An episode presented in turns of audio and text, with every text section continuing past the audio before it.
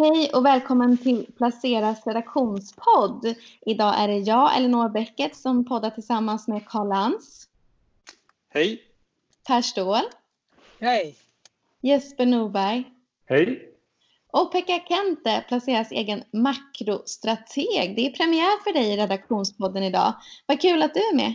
Ja, kul att jag får vara med. Hej, mm. hej på er! Hej! Du tycker att eh, börsen har gått ner för lite och den uppfattningen delar du väl med ganska många. Är det, är det så att börsen bara har tagit fasta på de positiva nyheterna som har kommit på sista tiden tycker du? Ja, det tycker jag väl. Jag är inte förvånad att börsen har gått upp, men att den har gått upp så mycket. Alltså halva nedgången är ju eh, numera utraderad. Och eh, jag tycker perspektivet man kan ha är att klev man in i, på börsen i höstas så har man i princip inte förlorat en krona. Det tycker ja. jag ger lite perspektiv på. Och Jesper, mm. de eh, som du har pratat med, de förvaltarna, eh, vad, vad, säger de? Tror de att, det här, att botten har varit nådd eller hur? Eh, ja, vad säger de? Ja, det är ju det är väldigt kul tid just nu. Eller kul, fel ordval. Men, men det är ju otrolig blandning i åsikterna nu, vilket är väldigt bra för marknaden. Det är ju så det ska vara för att det ska bli dynamiskt. Men det är en väldigt stor spridning eh, på de som tror att ja, botten har vi lämnat bakom oss. Sen betyder det inte nödvändigtvis att det ska gå rätt upp. Till de då som tror att nej, nej, nej, det här är bara början. Eh, men om jag skulle försöka mig på någon form av konsensus så utifrån de jag har pratat med så tror nog ändå de flesta att eh, det värsta är bakom oss. Vilket jag kan tycka är förvånande lite grann. Men du, det du tar upp som det stora orosmolnet, orosmolnet Pekka, det är ju den, det är arbetslösheten. Vad är det som säger att ja. den skulle vända snabbt? Ja, nej, alltså arbetsmarknaden. Vi börjar se de första liksom, signalerna om, om hur mycket det har slagit på arbetsmarknaden. Och det är ju helt eh, nästan absurda siffror i USA med en arbetslöshetsuppgång på 10 miljoner. Och visst, när coronakrisen är över så får vi en kickstart, men det blir svårt att beta ner arbetslöshetssiffrorna superfort. Liksom. Och det, så det kommer ju hänga kvar. Och vi vet ju inte än hur länge karantänsåtgärderna kommer att sitta i. Nej, för det är ju du funderat lite över Jesper, eh, att det finns så väldigt mycket som vi inte vet fortfarande. Ja, men så är det ju. Det, alltså, vi vet ju att vi har fått eh, historiskt gigantiska stimulanser som, som har bitit och det lär ju komma ännu mer, vilket är ju då eh, bra för ekonomin, tror vi. Men, men i slutändan så är det ju så, trots allt, att det är viruset som styr oss. Och eh, ingen vet på denna jord hur det viruset kommer utvecklas. Vad händer när vi eh, alla lämnar karantän? Vad händer i höst? Och, och så vidare. Så det är ju fortfarande den stora osäkerhetsfaktorn och vi har ingen aning om hur det kommer spridas och hur kommer det i sin tur påverka bolagens investeringsvilja? Hur kommer det påverka människors beteende? Det är enormt stora frågetecken. Men som sagt, jag fattar att de här gigantiska stimulanserna som får liksom pengarna i finansmarknaden att framstå som någonting från en loppis eh, är ju brutala givetvis. Karl och Per, ni brukar vara optimisterna i det här gänget. Vad tittar ni på? Vad får er att bli lite mer eh, positiva till framtiden på börsen? Alltså jag kollar ju lite grann på eh, hur aktierna har gått från eh, bottennoteringen här då i mars eh, och eh, det är många aktier som har stigit med åtminstone 50 på de här, ja, vad blir det, 20 handelsdagar max. Va? Så att till och med jag då är väl lite pessimist kanske när det gäller farten i den här återhämtningen då. Och jag kollade precis faktiskt nu då på volymen också under de senaste 20 handelsdagarna på Stockholmsbörsen då. Och jag såg att Eh, Eh, det är då bara 43 av aktierna som eh, uppvisar högre handelsvolym än det historiska genomsnittet. Eh, och 288 då, aktier ligger då under det historiska snittet. Så att det är en väldigt, liksom, det är väldigt låga volymer som driver på börsen väldigt mycket just nu. Och det talar väl för att den här uppgången vi ser just nu är ganska skör då, skulle jag, eh, är min slutsats av det. Jag vet inte vad, vad Per tycker. Jag vet inte, jag har försökt att lyfta blicken och tänka lite framåt. Jag pratar med mycket förvaltare nu, men då har jag haft mycket mer fokus. De har ju själv sagt att det går inte att räkna på 2020, 2021, liksom, då kommer vi kunna räkna på om man vill börja titta på det istället känns det som.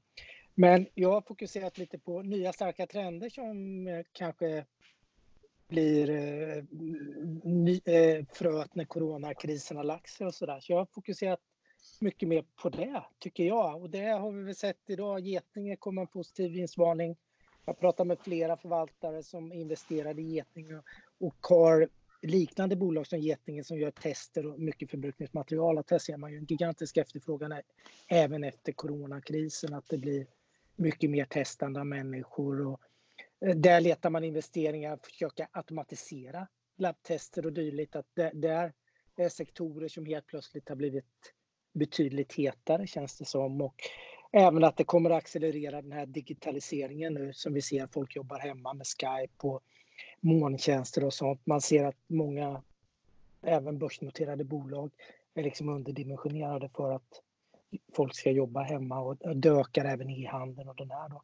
Så jag har försökt fokusera lite mer på det och fundera på tillvaron nu, för det är lite som Jesper sa, det har väl aldrig varit så här stor skillnad i åsikter och det går ju att prata med virusexperter. Det, det, de har ju helt olika syn på, på det här. Så det blir så, jag vet inte, jag försöker titta förbi det här. Börsen diskonterar ju, vad säger man, 60 18 månader.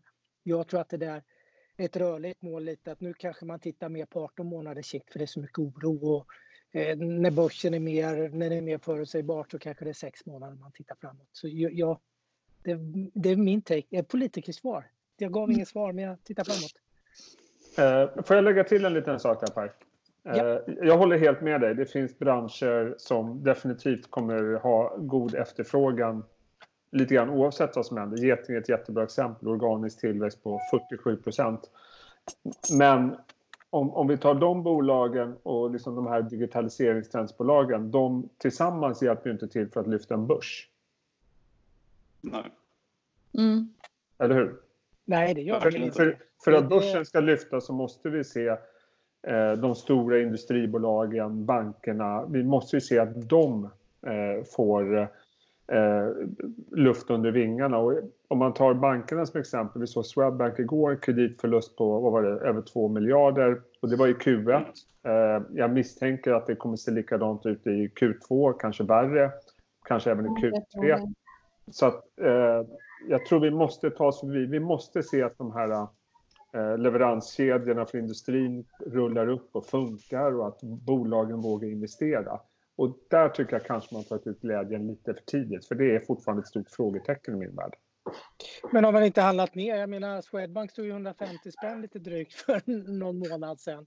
Absolut. typ på 105 nu. Den är ju ner 30 procent någonting. Har man inte tagit höjd då för jo, kreditförluster? Det, det, och det är mycket möjligt. världen ser ut som det gör? Jag vet inte. Jag Men frågan är, vad är det som ska... Vad är det, som ska det, det är mycket möjligt att man prisat in det här. Det, det vet jag, jag har ingen aning. Men, men nej, inte, vad är det som ska få det att, att lyfta den? Men är inte det stimulanserna och det här som man gör som du började med? Liksom, det, det, får... finns så mycket, antar jag. Och sen vilka sektorer som lyfter vad. Jag menar, jag pratade med någon bankanalyst, han var ju så glad nu för europeiska banker står för 7% av market cap. Det stod för 25 historiskt. Börserna kan ändå gå upp när sektorer går ner. Så jag tror att det går att hitta nya vinnare som driver börsen uppåt eller nya sektorer som... Och jag vet inte. Det... Vi, ska, vi ska inte glömma en annan sak, en väldigt viktig eh, sak som också talar för börsen, åtminstone i det korta perspektivet. Det är faktiskt att kreditmarknaden har fortsatt att eh, eh öppna upp. Eh, det görs affärer där ute på mm. lånemarknaden. Det, det, det, var ju därför liksom, jag tror börsen kollapsade så totalt innan. Eh, och sen är det ju så att uppenbarligen så har åtminstone marknaden prisat in eh, den totala kollapsen i makrot kortsiktigt. Mm. Eh, det såg vi när sysselsättningssiffror kom och så vidare. Men vi vet ju inte hur det kommer att se ut om ett halvår. Det är väl det som är frågetecknet.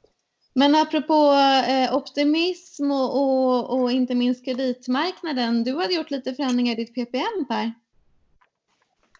Ja, ja, ja det, det, var ju lite kul. Du, du, skrev ju mycket om den här varningen innan och nu med, med, med facit hand förstår jag den. För den här företagskreditmarknaden har ju alltid packat ihop i varenda kris historiskt. Jag har sett 6, 7, 8 tillfällen.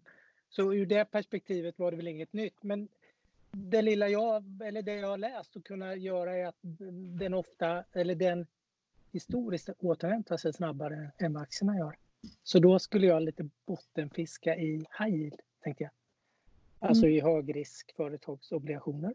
Inte i Sverige dock, för jag är lite tveksam till både kanske eh, fastighetsbolagen och lite sådär. Så jag tror en sustainable fond. Som inte mm. i energibolag och, och inte så mycket fastigheter och så. Med USA-fokus. Vi får se. Det är ett litet, eh, ett litet bottenfiske bett jag har gjort. Får se om historien upprepar sig även denna gång. Och det, vi pratade om det förra veckan också, eh, men då var inte du med i redaktionspodden, men, men att ehm, eh, det är köpläge i företagsobligationer, vad var det, 6 till 12 månader före eh, konkurserna pikar. Okej, okay. ja. Eh, så det beror ju på när man tror att konkurserna pikar och hur långvarigt det här blir. Men ja. ja Eh, att, och att många tror, tror att det är köpläge just nu av den anledningen. Ja, då, jag har väl sällat mig till den skaran då. Så vi får se hur det här blir. Extra, vad tror du om kreditmarknaden? Jag? Ja, och ja, eh, alltså, man kan säga att eh, det finns så mycket gratispengar där ute. Det var ganska kul, jag hade en diskussion med en analytiker igår som hade slutat titta på ränteterminer till exempel när det gällde centralbanksräntor eftersom de kommer att ligga på noll i tre, fyra års tid. Så det är klart att det ska ge även eh, kreditmarknaden en boost, givetvis. Sen eh, var förre Fed-chefen Janet Yellen ute och pratade i förrgår tror jag. Tyckte att eh, man skulle ändra mandatet för den amerikanska centralbanken så de också kunde köpa företagsobligationer och aktier. Så skulle en sån förändring genomföras så är det också något som är positivt för kreditmarknaden i stort givetvis. Hur troligt är det att de gör det då? Eh, ja, förvärras krisen eh, och vi får se en, en ny stökig kreditmarknad, då tror jag att det mycket väl kan genomföras. Jag tror att till exempel Trump skulle kunna vara med på det tåget. Mm. Han vill se ju gärna att centralbanken gör så mycket som möjligt. Mm. Eh, och eh, om vi tittar övrigt vad som händer idag. Vi har ju ett OPEC-möte på gång. Eh, man kan inte låta bli att tänka på att det som corona, liksom, coronautbrottet smög sig på, men det var när oljepriset kraschade, det var då börserna började krascha. Eh, och idag är det OPEC-möte eh, och Ryssland och Saudiarabien är väldigt långt ifrån varandra. Hur, eh, apropå företagsobligationsmarknaden som du är inne på Per, vad, hur uthållig är egentligen oljebolagen? Hur länge kan man vara på de här nivåerna kring 33? Vad, vad, vi pratar om negativa oljepriser i USA. Ja, men det är väl USA, du är väl lite på pudelns kärna. Dels har det ju kommit jättemycket eh, sådana här corona justeringar, liksom att det görs inga investeringar i princip nu i oljesektorn. Eh, men jag pratar med Rysslands förvaltare. Där säger man att de ryska oljebolagen de går break-even vid 15 dollar fatet. Saudiska bolagen vid 7-8. Och de amerikanska är ju betydligt, betydligt högre än så. Det snackar vi kanske om 30-40 dollar. Mm. Så det är väl USA som är stressat och Trump är stressat. För det där skapar väl konkurser och, eh, och i USA det, det, där har man ju så mycket antitrustlagar och ja, det går ju inte att begränsa oljeproduktionen där liksom. Det är väl emot hela grundlagen kan jag tänka mig. Som det är med fri företagsamhet liksom och mot karteller och allting. Då skulle det bli någon...